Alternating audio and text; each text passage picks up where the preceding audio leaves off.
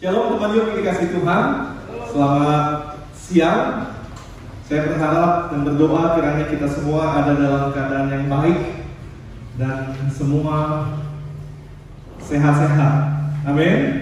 Semua sehat, yang sehat boleh lambaikan tangannya. Haleluya, semua sehat. Oke, sebelum saya menyampaikan firman Tuhan pada siang hari ini, saya ada sedikit kuis berhadiah. Ya, siapa yang mau hadiah? Boleh angkat tangannya. Ya, cuma jadi. Berarti yang lainnya udah ah, ngapain kok saya bisa beli sendiri gitu, wih keren. Beliin saya dong. Oke, ya untuk supaya kita nggak ngantuk karena ini jam-jam rawan, ya jam-jam yang luar biasa uh, peperangan kita melawan rasa ngantuk kita. Uh, contohnya gini, oke boleh ditampilkan PowerPoint saya.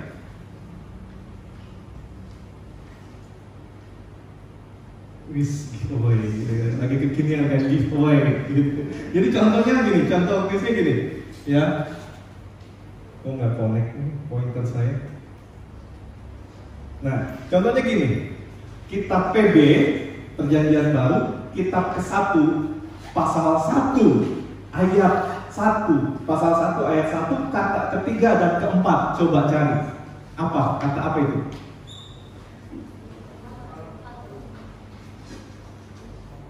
Siapa yang udah dapat boleh angkat tangan?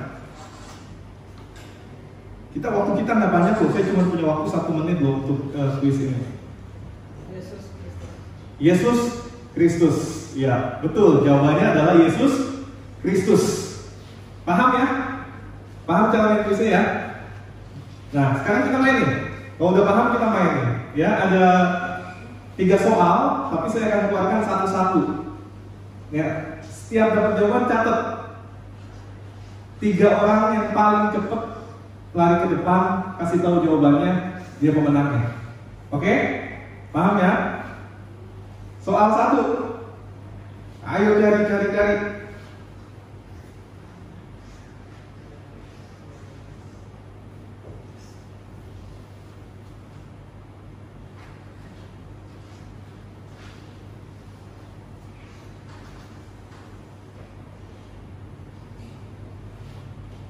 Soal kedua.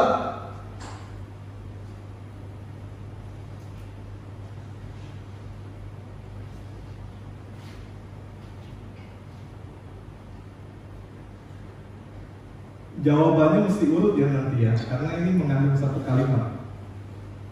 Jangan diacak-acak.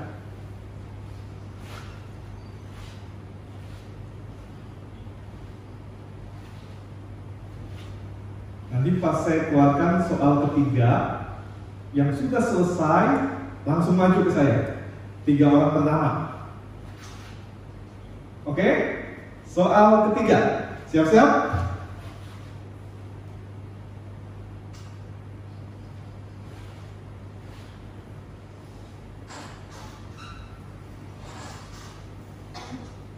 Ayo, siapa yang udah dapat? Come on.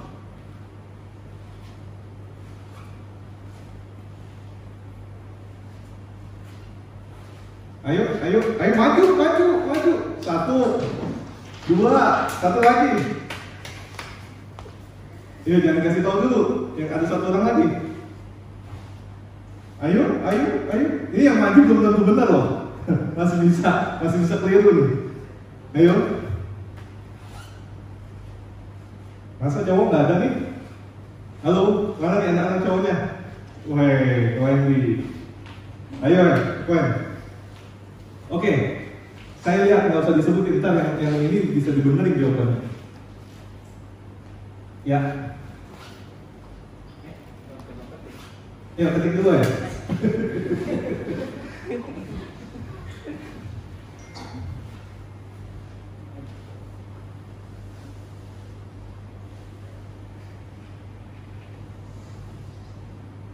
Oke, Ica dulu kasih eh, kamu apa jawaban kamu ngomong yang keras. Orang muda adalah pemenang. Meta apa? Orang muda adalah pemenang. Wendy? Orang muda adalah pemenang. Oke kita cek ya jawabannya benar nggak. Orang muda adalah pemenang katanya. Satu, dua, tiga. Orang muda adalah pemenang. Hei kasih tepuk tangan dulu buat ketiga orang teman-teman kita. Nih, ada hadiahnya lumayan lah. Plastik sekali. Oke. Nah ya, yang belum dapat nggak usah sedih. Nanti di kesempatan berikut mungkin dapat. Kalau ada yang bikin kuis lagi gitu juga. Oke teman-teman, eh, tema kita siang ini adalah this is our home, ya, your blessing. This is adalah this is our home. Ini adalah waktu kita, ya. Ini adalah waktunya kita, waktunya youth blessing, anak-anak muda youth blessing. Waktunya untuk apa kok? Apakah waktu untuk makan? Apakah waktunya untuk tidur? Siang-siang ini kan enaknya tidur. Apakah waktunya untuk jalan-jalan, hangout, shopping? Biasanya kalau hari Minggu gini, ya sore-sore enaknya hangout kita, ya jalan-jalan, eh, makan, nongkrong di McD, ya nonton bioskop dan lain-lain. Tapi sekarang belum bisa, ya sekarang belum bisa. Tapi bukan waktu itu yang dimaksud di sini. Ya, coba saya mau ajak teman-teman sedikit flashback, flashback ketika kita pertama kali lahir ke dalam dunia ini. Ada yang masih ingat? Coba ingat, ingat-ingat ketika kalian pertama kali lahir ke dalam dunia ini.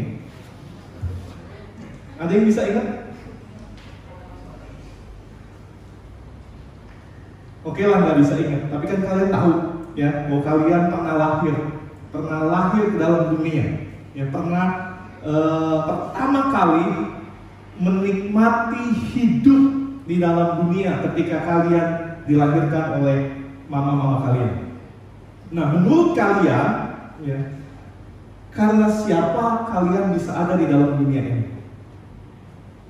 Menurut kalian, karena siapa kalian bisa hidup ada di dalam dunia ini? Karena siapa?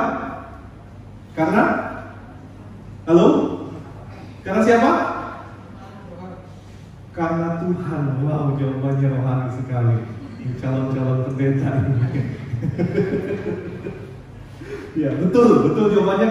Karena Tuhanlah yang sudah memberikan kita hidup, menghembuskan nafasnya, menghembuskan rohnya, sehingga ketika ketika kita dikandung umur 40 hari aja kalau nggak salah itu udah ada nyawanya. Ya kita bisa mengalami kehidupan sampai akhirnya kita dilahirkan menjadi seorang bayi dan sampai akhirnya kalian jadi seperti sekarang ini. Karena Tuhan yang sudah memberikan hidup lewat orang tua biologis kalian, lewat papa mama kalian masing-masing. Dan dan Tuhan menciptakan setiap orang pastinya dengan tujuan. Ya katakan tujuan. Saya diciptakan dengan tujuan. Dan Tuhan pastinya men- sudah memberi, uh, ketika Tuhan memberikan kehidupan kepada setiap orang, Tuhan sudah menetapkan siapa, siapa dan siapa yang akan lahir, yang akan hidup di dalam dunia ini. Ya, yaitu agar setiap orang menjadi penyembah-penyembah Tuhan. Rick Warren dalam bukunya mengatakan eh, salah satu tujuan Tuhan menciptakan manusia adalah agar setiap orang menjadi penyembah-penyembahnya. Nah, oleh sebab itu kita mau memberikan hidup kita, kita mau memberikan waktu kita, kita mau memberikan diri kita untuk melayani itu Tuhan. This is our time. Ini adalah waktunya kita, waktunya teman-teman untuk mulai mengerti tentang apa sih arti melayani itu, apa sih itu kok melayani. Inilah waktunya teman-teman untuk mulai ambil bagian melayani Tuhan sedini mungkin. Ya, kenapa sih kok saya harus melayani Tuhan? Nah itu tadi, makanya saya bilang kenapa kalian bisa ada di dalam dunia ini? Ya karena Tuhan yang sudah memberikan hidup. Nah oleh karena Tuhan yang sudah memberikan kita hidup, apalagi kalian sudah mengerti tentang konsep keselamatan bahwa karena Tuhan Yesus telah mati di kayu salib untuk menyelamatkan manusia dari dosa. Dan kita adalah orang-orang yang ada di dalamnya. Oleh sebab itu kita mau membalas kasihnya Tuhan kebaikannya Tuhan lewat melayani Tuhan di dalam kehidupan kita. Aduh kok saya kan masih muda kok saya masih pengen senang-senang, saya masih pengen bebas, saya nggak mau terikat kok. Aduh kalau pelayanan tuh kayak terikat, mesti uh, mesti ikut doa, mesti latihan, mesti bagi waktu supaya bisa latihan, bisa rapat, bisa ini dan lain-lain. Umur saya masih muda pun masih panjang. Eh siapa bilang teman-teman? Banyak sekarang orang yang umurnya belasan tahun udah meninggal. Pernah dengar nggak? Banyak orang yang belum sampai 25 tahun udah kena penyakit, udah stroke. Kalau udah stroke bisa nggak layani Tuhan? Nggak bisa, susah, terbatas, sangat terbatas. Belum ada yang sampai 30 udah meninggal dan lain-lain. Jadi artinya kita nggak tahu waktu kita ada di dunia ini sampai kapan. Ada di sini yang tahu usia dunia ini sampai kapan? Ada yang tahu? Nggak ada yang tahu. Karena usia adalah misteri. Usia adalah uh, rahasianya Tuhan. Kita nggak ada yang tahu sampai usia berapa kita bisa ada di dalam dunia ini sampai usia berapa kita punya kesempatan untuk kita bisa melayani Tuhan. Nah, oleh sebab itu, dengan waktu yang ada, kita mau memaksimalkan waktu tersebut untuk kita melayani Tuhan. Amin. Ini adalah waktunya kalian. Kalian ada di usia yang produktif. Kalian sedang bertumbuh di dalam kreativitas. Kalian sedang punya energi yang luar biasa untuk mencurahkan energi itu menjadi suatu ino, inovasi, menjadi satu kreativitas, menjadi satu terobosan yang bagus yang dapat menopang pekerjaan Tuhan semakin lebih maju, semakin lebih berdampak lagi. Karena nanti ada waktunya teman-teman. Di usia-usia tertentu itu sudah nggak produktif.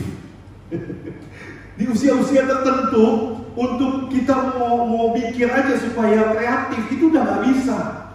Di usia-usia tertentu kita udah nggak punya tenaga lagi untuk melakukan berbagai kegiatan pelayanan yang menguras tenaga, menguras energi itu udah nggak bisa lagi. Oleh sebab itu, sadarilah bahwa usia teman-teman adalah usia yang sangat pas untuk mulai terjun melayani Tuhan. Amin. This is our time to serving God. This is our time to lift, lift, lift it up, His name. Ya, ini waktunya kita untuk melayani Tuhan ini waktunya kita untuk meninggikan nama Tuhan, memuliakan Tuhan di dalam kehidupan kita. Yohanes 12 ayat 20 eh, Yohanes 12 ayat 26 berkata demikian, barang siapa melayani aku, kata Yesus ini ya, barang siapa melayani aku, ia harus mengikut aku. Dan di mana aku berada, di situ pun pelayanku akan berada. Barang siapa melayani aku, ia akan dihormati. Siapa? Siapa? Bapak. Ia akan dihormati Bapak. Pertanyaan saya lagi, Kenapa teman-teman ada di tempat ini? Atau kenapa teman-teman beribadah di gereja ini? Ada yang bisa jawab? Kenapa teman-teman ada di tempat ini? Kenapa teman-teman beribadah setiap minggu di tempat ini? Kenapa? Halo? Adakah orang di tempat ini? Halo? Saya mau tanya sama WL aja Bang Supri, kenapa kamu ada di tempat ini? Kenapa kamu beribadah di gereja ini?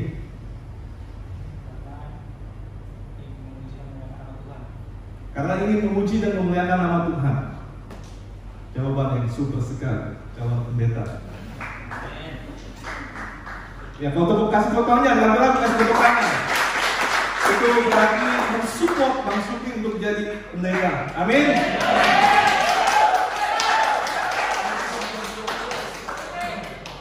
Nanti ada surat rekomendasi dari kepala dinas. Oke, okay, yang suaranya paling kenceng yang di belakang yang pakai topi itu, yang sangat mensupport Bang Supri untuk menjadi pendeta. Rizky, kenapa kamu berada di tempat ini atau kenapa kamu beribadah di gereja ini? Kenapa kamu Rizky berlayani? Kenapa kamu melayani di tempat ini? Karena kerinduan. Karena kerinduan. Kerinduan apa? Untuk mencari tulang rusuk kah? Atau Oh, udah ada. Ya, salah saya. Hah? Santai, santai dulu, santai, santai. Tarik nafas dulu. Karena kerinduan untuk melayani Tuhan. Bersama-sama memuji dan memuliakan nama Tuhan. Wow, jawaban yang super sekali. Calon ini dosen STT teologi.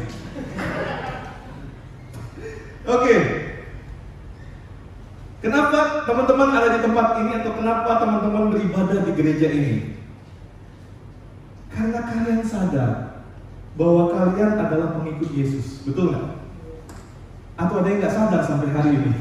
Tepuk pundak teman sebelahnya, eh sadar, sadar, sadar, sadar. Oh, nggak boleh. Tapi kan udah cuci tangan tadi. Oh bajunya yang kotor ya, bajunya yang uh, kena air. Karena, sadar, karena kalian sadar bahwa kalian adalah pengikut Kristus, betul nggak? Makanya kalian ada di tempat ini. Makanya kalian beribadah di gereja ini. Atau ada motivasi-motivasi lain? Oh, ini kok saya mau cari tulang rusuk gitu kan. Oh, saya pengen lihat dia kok gitu. Oh, saya kangen ketemu dia kok, makanya saya ibadah. Oh, karena saya ingin menyalurkan talenta saya kok, makanya saya uh, melayani di tempat ini dan lain-lain. Mungkin ada betul, mungkin ada alasan-alasan yang seperti itu, ya manusiawi. Tapi saya berharap yang yang ada di dalam pikiran kita, kenapa kita beribadah di tempat ini? Ya karena kita sadar bahwa kita adalah pengikut Yesus. Karena kita adalah murid ya, Yesus. Amin. Makanya di ayat ini kan dikatakan barang siapa melayani aku, ia harus mengikut aku. Kalau dibalik jadi begini, sedikit dibalik supaya bukan saya bermaksud memutarbalikkan uh, firman Tuhan, tapi supaya kalian mengerti. Barang siapa melayani aku, ia harus mengikut aku. Kalau dibalik jadi gini, barang siapa menjadi pengikut aku, ia harus melayani aku. Dan di mana aku berada, di situ pun pelayanku akan berada. Di gereja ini ada Tuhan Yesus nggak? Ada. Ya ini adalah rumah Tuhan. Nah oleh sebab itu kita ada di gereja ini. Karena di sini ada Tuhan. Di mana Tuhan ada, di situ pelayan-pelayannya juga ber, berada. Di mana Tuhan ada, di situ kita juga beribadah. Memuji dan memuliakan nama Tuhan. Seperti yang tadi bilang. Di mana Tuhan ada, di situ juga kita punya kerinduan untuk bersekutu, memuji dan memuliakan nama Tuhan. Karena kita sadar bahwa kita adalah pengikut Kristus. Karena kita adalah murid-murid Tuhan. Dan yang lebih luar biasa, di situ dikatakan barang siapa melayani aku, barang siapa melayani Tuhan Yesus, ia akan dihormati Bapa. Ia akan dihormati oleh Bapa di surga. Apa artinya? Yaitu artinya setiap pelayan Tuhan itu spesial di mata Tuhan. Amin. Bayangkan teman-teman kalau Bapa di surga saja sampai memberikan hormat kepada para setiap pelayan-pelayan Tuhan. Kalau kita diundang oleh Bapak Presiden Jokowi untuk makan malam di istana saja, itu sebenarnya bukan kepala, betul nggak? Kalau kita dapat undangan makan malam, mungkin undangannya itu setiap hari dibikin instastory. H minus 7, H minus 5, H minus 1 sampai today dinner with Mr. Presiden Jokowi. Bangganya bukan main, senangnya bukan main. Bahkan mungkin bisa sampai ke bawah mimpi. Yang biasa mungkin mandi sehari sekali, karena mau makan malam sama presiden, mandi bisa sehari tujuh kali. Biar bersih kulitnya, biar kinclong, biar glowing, biar wangi. Jadi kalau ketemu presiden nggak malu-malu. Bayangkan kalau seorang presiden saja sudah membuat kita bangga luar biasa, senang bukan main. Nah ini dikatakan ia akan dihormati oleh Bapak. Saudara bisa bayangkan nggak sih? Saudara nangkap nggak apa yang saya maksud ini? Atau ini hanya sekedar kalimat ia akan dihormati Bapak? Biasa aja kok buat saya kok. Tapi kalau saya membayangkan, wow ini adalah satu penghargaan yang luar biasa. Satu penghormatan yang luar biasa dihormati oleh Bapa di surga. Artinya kita akan diterima oleh Bapa di surga, akan diakui oleh Bapa di surga. Dan surga adalah tujuan akhir hidup kita, betul nggak? Betul? Ada yang mau masuk surga boleh angkat tangan? Nggak usah ke gereja. Kalau masuk nggak mau masuk surga, jangan nggak usah ke gereja, nggak usah percaya Tuhan. Surga adalah tujuan akhir hidup kita.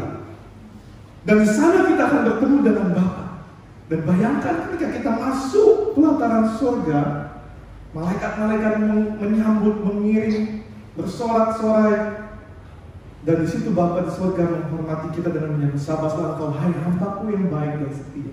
Masuklah dan turut dalam pesta perjamuan anak. Wow, senangnya nggak bisa digambarkan dengan kata-kata. Nah, saudara, saudara teman-teman, artinya panggilan kita untuk menjadi pelayan Tuhan adalah pekerjaan yang sangat istimewa di hadapan Tuhan. Ya, sekalipun mungkin di mata manusia, di mata orang di mata orang-orang yang tidak mengenal Tuhan, itu adalah sesuatu yang bodoh, sesuatu yang mungkin tidak bergengsi, sesuatu yang mungkin merugikan. Kenapa saya bilang kenapa mungkin ada orang yang menganggap itu sesuatu yang merugikan? Iya, kita melayani kita nggak dibayar. Kalau ngomong sama orang yang bisnis, yang mata duitan, ini kita dianggap lu bego lu. Buang-buang waktu untuk melayani Tuhan dibayar enggak? Malah lu keluarin duit buat kasih janji iman buat persembahan buat ada acara ini itu. Bukankah itu merugikan? Di mata dunia mungkin panggilan sebagai seorang pelayan Tuhan adalah hal yang bodoh tapi di mata Tuhan itu satu hal yang istimewa. Amin dan saya mau teman-teman nangkep konsep ini pemahaman ini Panggilan kita sebagai seorang pelayan Tuhan memang tidak bisa disamaratakan dengan pebisnis di luar sana. Ya, dengan bisnismen, dengan orang-orang yang berprofesi sebagai pebisnis, pengusaha dan lain-lain nggak bisa disamakan. Ya. Tetapi di mata Tuhan kita dihormati, ya. Dan teman-teman tinggal pilih mau mau yang mana? Dihormati oleh dunia atau dihormati oleh Bapa di surga? tinggal pilih mau melakukan yang mana. Dan saya percaya semua teman-teman di sini mau dihormati oleh Bapa di surga. Amin.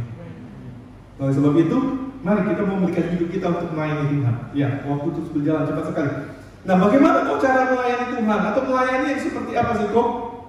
Ya, di usia-usia yang seperti kita ini, ya di usia-usia yang mungkin teenager, youth, yang kita mungkin baru mendengar tentang kata melayani, mungkin kita belum terjun dalam pelayanan, saya harus melayani seperti apa? Saya mau kasih yang simpel-simpel aja buat teman-teman supaya teman-teman gak pusing. Yang pertama yaitu melayani dengan tubuh kita masing-masing. Roma 12 ayat 1 berkata, karena itu saudara-saudara demi kemurahan Allah aku menasihatkan kamu supaya kamu mempersembahkan tubuhmu sebagai persembahan yang hidup, yang kudus dan yang berkenan kepada Allah. Itu adalah ibadahmu yang sejati. Itu adalah pelayananmu yang sejati. Jadi tubuh kita ini adalah baik Allah. Amin. Oleh sebab itu, jangan pakai anggota tubuh kita untuk melakukan perbuatan-perbuatan berdosa. Ada amin? Sat Roma 6 ayat 13 berkata demikian, dan janganlah kamu menyerahkan anggota-anggota tubuhmu kepada dosa untuk dipakai sebagai senjata kelaliman, tetapi serahkanlah dirimu kepada Allah sebagai orang-orang yang dahulu mati tetapi yang sekarang hidup dan se dan serahkanlah anggota-anggota tubuhmu kepada Allah untuk menjadi senjata-senjata kebenaran. Ini adalah bentuk pelayanan yang paling simpel di dalam kehidupan kita sehari-hari. Ini adalah bentuk pelayanan yang bisa dilakukan oleh semua kalangan usia, oleh semua jenis profesi. Inilah semua ini adalah jenis pelayanan yang bisa kita lakukan dalam kehidupan kita sehari-hari. Dan saya mau teman-teman paham akan hal ini. Bicara tentang pelayanan bukan hanya yang ada di atas mimbar ini. Ya, bukan cuma pemain musik, bukan cuma WL singer, bukan cuma LCD operator atau soundman, dancer dan lain-lain. Bukan cuma itu. Tapi hidup kita ini adalah pelayanan kita kepada Tuhan. Tubuh kita ini adalah pelayanan kita kepada Tuhan. Dan oleh sebab itu, jangan pakai anggota tubuhmu untuk berbuat do dosa. Kasih tahu kanan kirinya, jangan pakai tubuhmu untuk berbuat dosa. Kasih ingat teman-teman yang di sebelahnya. Jangan pakai anggota tubuhmu untuk berbuat do dosa. Jangan pakai tanganmu untuk berbuat dosa. Jangan pakai tanganmu untuk mencuri. Jangan pakai tanganmu untuk lihat gambar-gambar porno. Jangan pakai tanganmu untuk membunuh. Jangan pakai tanganmu untuk memukul orang. Karena ketika teman-teman berbuat demikian, teman-teman tidak sedang melayani Tuhan. Jangan sampai dari tangan yang satu, tangan yang kedua ini, dua tangan ini, yang hari Minggu kita pakai untuk memuji Tuhan, untuk tepuk tangan, untuk berdoa, untuk kasih persembahan, untuk kasih persepuluhan, tapi di hari lain kita pakai tangan kita untuk berbuat dosa. Itu jangan sampai terjadi. Karena itu adalah suatu pekerjaan di hadapan Tuhan. Tapi pakailah tanganmu untuk hal-hal yang berguna, hal-hal yang positif. Kalau di gereja udah pasti dipakai untuk memuji Tuhan, untuk melayani, untuk main musik, untuk kasih persembahan. Tapi teman-teman juga bisa pakai untuk hal-hal yang lain, untuk menolong orang lain, membantu orang lain, memberi untuk orang lain dan lain. Jangan jangan pakai mulutmu untuk mengucapkan kata-kata kotor. Ih anjingmu, ih bangsat kampret lu awas lu ya, mau matiin lu nanti. Jangan sampai mulut kita dari mulut yang satu ini yang kita pakai untuk memuji Tuhan, untuk berdoa kepada Tuhan, tapi di hari yang lain, di situasi yang lain, kita pakai mulut kita ini untuk mengumpat orang lain. Itu namanya apa teman-teman?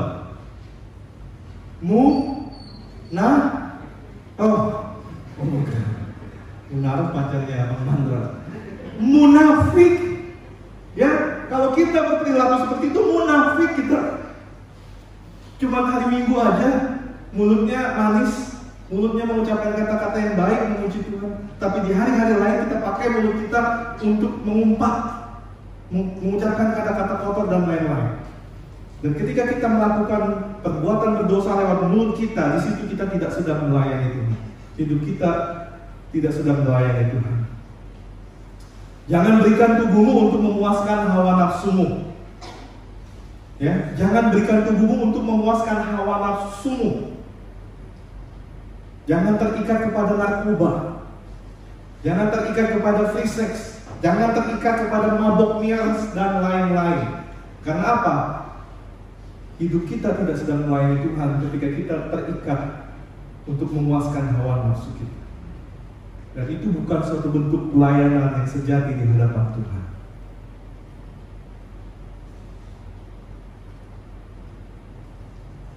Karena tubuhmu adalah baik roh, roh kudus. Jangan jangan pakai anggota tubuhmu untuk berbuat dosa. Karena apa? Karena tubuhmu adalah baik roh, roh kudus. 1 Korintus 16 ayat 9 berkata, Atau tidak tahukah kamu bahwa tubuhmu adalah baik roh kudus yang diam di dalam kamu? Roh Kudus yang kamu peroleh dari Allah dan bahwa kamu bukan milik kamu sendiri. Jadi tubuhmu, tubuh kita adalah baik Allah, tempat di mana Roh Allah, Roh Kudus tinggal diam di dalam kehidupan kita. Oleh sebab itu jagalah tubuhmu dengan baik. Itu adalah bentuk pelayanan yang sejati kepada Allah. Persembahkan tubuhmu sebagai persembahan yang hidup, yang kudus dan yang berkenan kepada Allah itu adalah ibadahmu yang se sejati. Ini bentuk pelayanan pertama yang teman-teman bisa lakukan sebelum teman-teman bicara tentang pelayanan-pelayanan yang lain. Ya, kalau teman-teman tidak bisa melayani Allah lewat kehidupan kalian, lewat tubuh kalian, bagaimana teman-teman bisa melayani melayani Allah dalam bidang yang lain? Ya, sekalipun bisa kita adalah orang yang munafik di hadapan Tuhan. Yang kedua, bagaimana cara kita melayani Tuhan yang kedua melayani dengan melayani Tuhan dengan skill atau kemampuan yang kita punya. Saya percaya setiap orang yang lahir ke dalam dunia ini punya tugas dan punya tujuan masing-masing. Ya Tuhan sudah menetapkan si A ini jadi apa. Si A ini hidup di dunia ini untuk apa. Saya yakin Tuhan sudah punya tujuan. Nah, oleh sebab itu saya yakin dan percaya pastinya setiap orang diperlengkapi oleh Tuhan dengan skill, dengan kemampuan yang berbeda-beda. Amin. Kalau saya menyebutnya setiap orang itu punya kekuatannya masing-masing. Ya, punya keunikannya masing-masing, punya keunggulannya masing-masing yang bisa dipakai untuk melayani Tuhan. Yang bisa dipakai untuk skill itu atau kekuatan itu atau kemampuan itu bisa dipakai untuk melayani Tuhan. Jadi contoh. Perjalanan hidup. Kita ada di dunia ini untuk melakukan perjalanan hidup, betul ya? Yang pertama, sebelum kita lahir Tuhan sudah menetapkan. Ya. Yang kedua, kita dilahirkan. Setelah ditetapkan untuk ada di dalam dunia ini, baru kita dilahirkan ke dalam dunia ini lewat keluarga ini. Ya, kalau Supri lewat keluarga Bapak Arifin Manula, kalau Cari lewat keluarga Bapak Oki. Dilahirkan di keluarga itu. Lalu setelah itu ada yang namanya dipanggil. Bukan dipanggil pulang ke surga. Dan ini bukan dimaksud bukan yang bukan maksudnya bukan mati, tapi menerima panggilan untuk menjadi percaya kepada Tuhan. Ya. Nah, ini disebut dengan fase petunjuk-petunjuk dalam kehidupan manusia. Ditetapkan, dilahirkan dan dipanggil. Nah, di dalam kita menjalani perjalanan kehidupan ini ada yang namanya strength atau kekuatan, keunggulan, kemampuan. Lalu di dalam kehidupan manusia juga ada yang namanya passion. Passion itu adalah gairah, roh yang menyala-nyala, ya semangat yang menggebu-gebu di dalam menjalani kehidupan ini. Nah dua ini ada di dalam kehidupan setiap orang. Supri punya strength, Charlie punya strength, Charlie punya passion, Supri juga punya passion. Tapi yang harus kita perhatikan di antara kedua ini ada yang namanya calling, panggilan dalam kehidupan kita masing-masing. Makanya kenapa kalian ada di tempat ini saya tanya. Saya berharap karena teman-teman sudah paham bahwa teman-teman dipanggil oleh Tuhan untuk menjadi umatnya. Amin. Untuk menjadi orang-orang yang diselamatkan. Oke, paham sampai sini? Oke, siang ini saya cuma bahas untuk aja. Kekuatannya. Nah, setiap orang unik, betul? Ada yang hidungnya mancung. Nah, sekarang hidungnya nggak kelihatan. Semua hidungnya sama ditutupin masker. Ada yang matanya belum, ada yang matanya sipit, sipit, ada yang rambutnya lurus, ada yang rambutnya keriting. Semua orang punya keunikan, punya kelebihan masing-masing. Diciptakan secara berbeda. Dari sekian 7 miliar orang di dunia ini, nggak ada sidik jari yang sama satupun. Wow, betapa luar biasanya Tuhan kita yang menciptakan tujuh setengah miliar orang di dunia ini, sidik jarinya nggak ada yang sama satupun. Itu menunjukkan bahwa setiap orang unik diciptakan secara berbeda-beda. Nah, ini sebuah ilustrasi. Everybody is a genius. Setuju? Ya, setiap orang itu pada dasarnya pintar. But if you judge a fish by its ability to climb a tree, it will live, it will live its whole life believing that it is stupid. Jadi setiap orang itu pada dasarnya jenius, pintar, punya kelebihan kemampuan masing-masing. Tapi ketika kamu menilai seekor ikan dengan kemampuan untuk memanjat pohon, maka itu akan membuat seluruh hidupnya percaya bahwa dia adalah bodoh bahwa ikan itu adalah bodoh. Kalau kalian menilai kepintaran ikan itu dari memanjat pohon, ya iyalah. Mana bisa ikan memanjat pohon? Sama juga ketika kalian menilai monyet untuk berenang dalam laut. Siapa yang lebih pintar, monyet atau ikan? Sama. Karena setiap orang unik dan berbeda. Tapi pada dasarnya setiap orang punya kepintaran, kejeniusan masing-masing. Amin? Jadi nggak bisa disamain. Setiap orang punya tugas. Yes, amin. Setiap orang punya tanggung jawab, punya tugas, punya tanggung jawab. Sehingga dibekali dengan yang namanya kemam kemampuan, strength. Ya kalian ada di dalam dunia ini punya tugas dari Tuhan, punya tanggung jawab yang harus kalian jalankan. Nah oleh sebab itu, yakinlah dan percaya bahwa Tuhan memperlengkapi kalian dengan yang namanya kemampuan, kekuatan, keunikan. Dan bahan dasar dari kemampuan adalah talenta. Amin. Bahan dasarnya, ya kalau kita bikin donat, bahan dasarnya apa? Tepung terigu, ya tepung terigu telur mentega. Itu bahan dasarnya. Nah bahan dasar dari kemampuan kita disebut dengan ta talenta. Nah, kalian pasti sudah sering dengar kata talenta ini. Tapi kalau saya mau tanya lagi, uh, Wendy deh, Wendy talenta itu apa kok? Bingung kan? Sarah, talenta apa Sarah? Bukan, kan itu jelas. Bahan dasar dari kemampuan adalah talenta. Nah talenta itu sendiri definisinya apa yang konkret? Bingung juga kan? Oke, saya kasih tahu. Ya, masing-masing memiliki talenta yang berharga dan semakin kita tahu tentang mereka, semakin kita dapat memahami apa yang membuat kita istimewa di hadapan Tuhan dan di hadapan manusia. Dan bagaimana kita dapat menggunakan talenta kita untuk melakukan sesuatu dengan hebat, untuk melakukan pelayanan yang berhasil, untuk melakukan pelayanan yang excellent di hadapan Tuhan. Nah, apa itu talenta? Nah, ini dia. Donald O. Clifton, PhD, bapak dari uh, ahli psikologis tentang kekuatan dasar. Dia meneliti selama hampir 20 tahun. Bukan main bukan main-main loh. 20 tahun meneliti tentang yang namanya talenta doang. Dan dia mengatakan dari hasil penelitian selama 20 tahun dia menjelaskan definisi talenta talenta adalah pola dari perasaan pikiran dan perilaku yang berulang kali saya bilang talenta adalah pola. Bentuk. Tahu kan pola ya? Kalau orang bikin baju itu ada polanya. Bentuk kerangka kerangka dasar dari perasaan, pikiran dan perilaku yang berulang-ulang. Itulah yang disebut dengan talenta.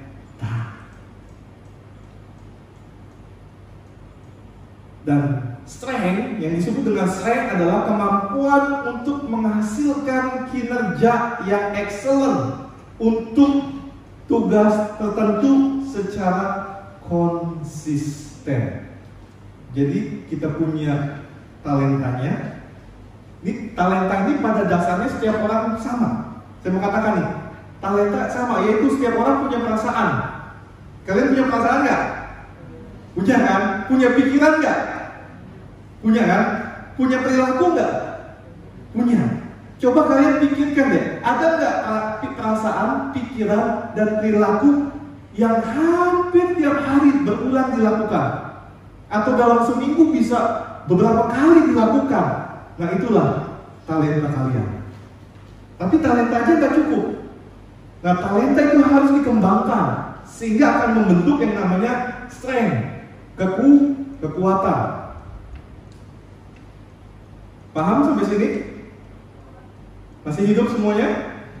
Masih ya? Oke lanjut. Waktu saya udah habis sebenarnya. Talenta itu berkaitan dengan potensi, ya potensial, potensi.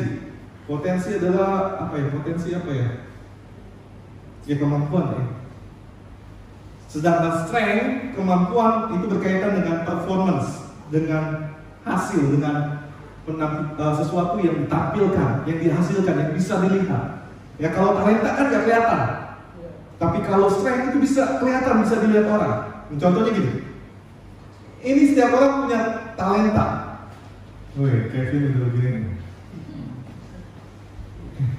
Ini setiap orang punya talenta. Boleh tangannya gini semua? Ya, setiap orang punya, ada kan? Ada nggak? Ada nggak yang tangannya hilang sebelah? Nggak ada kan? Semua komplit ya. Gini. Ini setiap orang punya talenta nih, ada di dalam diri setiap orang. Tapi kita lihat, ada nggak yang seperti ini? Nah, setiap orang punya talentanya, dasarnya punya, tapi talentnya, SK-nya ada nggak yang seperti ini? Mas Dedi no, tangannya no, ada no. Woi, ya dia pakai baju tangan panjang sih susah kasih lihat. Tapi Charlie ada nggak? Nggak ada. Beda sama Mas Dedi. Kenapa? Bedanya di mana? Bedanya di sini. Kalau Mas Dedi mungkin seminggu bisa beberapa kali latihan. Betul nggak Mas? Tapi cari pernah nggak nge Makanya hasilnya beda. Ya, Dibutuhkan latihan. Jadi talenta aja nggak cukup. Dibutuhkan latihan untuk yang namanya memunculkan, mengeluarkan strength, kemampuan, keunikan, keunggulan masing-masing. Ya, itu disebut dengan investment, investasi. Untuk memperoleh kekuatan, strength, keunggulan itu dibutuhkan investment, investasi. Apa itu? Talenta membutuhkan investment apa? Waktu.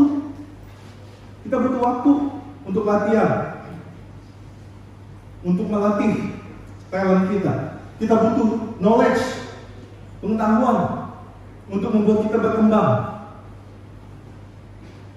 Makanya kenapa kalian sekolah? Untuk memperoleh knowledge. Kalau kalian nggak sekolah, kalian akan jadi orang bodoh. Dan itu nggak akan membawa kalian kepada menjadi orang yang punya kekuatan, kemampuan.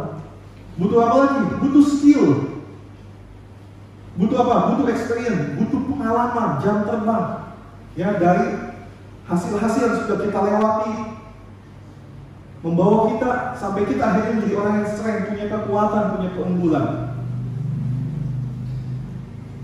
Start with talent, finish with strength. Memperbaiki kelemahan akan mencegah kesalahan, membangun kekuatan akan membawa kepada kesuksesan atau keberhasilan. Nah, sebagai penutup begini. Jadi sebelum kalian memutuskan mengambil pelayanan, ya di gereja ini terbuka sekali untuk kalian melayani pekerjaan Tuhan itu. Very welcome, sangat welcome sekali. Oh, saya mau jadi singer, silakan. Oh, saya mau jadi pemain musik, silakan. Kok saya mau jadi dancer? Kok saya mau jadi kasih worker? Kok saya mau jadi soundman? Kok saya mau jadi usher? Kok saya mau jadi kolektor? Kok saya mau jadi fotografer? Kok saya mau jadi desain grafis? Silakan. Gereja ini sangat terbuka untuk menerima kalian sebagai pelayan-pelayan Tuhan. Tapi saya mau ingatkan, sebelum kalian memutuskan untuk mendaftar menjadi penata layan apa, ada baiknya ketahui dulu skill atau kemampuan kalian yang paling dominan itu apa. Jadi ketika pelayanan itu dipadukan dengan kekuatan yang ada di dalam diri kalian, maka itu akan menghasilkan suatu pelayanan yang excellent di hadapan Tuhan. Jadi kalian nggak akan bosen ya kalau kalian melayani Tuhan dengan skill, dengan strength yang paling dominan dalam diri kalian, kalian nggak akan bosen ya Baru setahun melayani kok saya mau berhenti aja deh kok nggak kuat. Nah itu berarti kalian nggak melayani dengan kekuatan yang ada dalam diri kalian sebenarnya. Nggak akan mudah tergesek satu sama lain. Ya namanya pelayanan itu pasti ada gesekan. Pelayanan itu bukan cuma bicara yang enak-enak, banyak yang gak enaknya. Dan di situ dibutuhkan kekuatan kita untuk kita tetap bertahan dalam pelayanan sekalipun banyak gesekan, sekalipun banyak yang gak enak. Nah, ketika kalian melayani dengan kekuatan yang ada dalam diri kalian, dengan ke keunikan, keunggulan, kalian akan tetap bertahan sekalipun banyak badai dalam melayani Tuhan. Ya. Asallah talenta kalian sehingga menjadi kekuatan kalian untuk melayani Tuhan. Asal terus talenta itu. Ya, ini waktunya kita untuk kita menyerahkan diri oleh menyerahkan diri kita kepada Tuhan untuk melayani pekerjaannya yang besar. Amin. Puji nama Tuhan. Saya undang teman-teman dapat berdiri. Kita menyanyi satu lagu yang beberapa bulan lalu itu sangat viral, sangat booming sekali. Ya. Hidup ini adalah kesempatan, betul nggak? Tuhan kasih kita hidup di dunia ini adalah sebuah kesempatan. Oleh sebab itu, jangan sia-siakan. Ya, jangan sia-siakan hidup kalian dengan hal-hal yang tidak berguna. Pakailah hidup kalian untuk melayani Tuhan sehingga kehidupan kalian akan berguna menjadi berkat. Amin. Nyanyikan pujian dengan sungguh-sungguh. Kalau kalian meresapi kalimat demi kalimat dari lagu ini, ini sungguh luar biasa menyentuh hati kita. Hidup ini adalah kesempatan.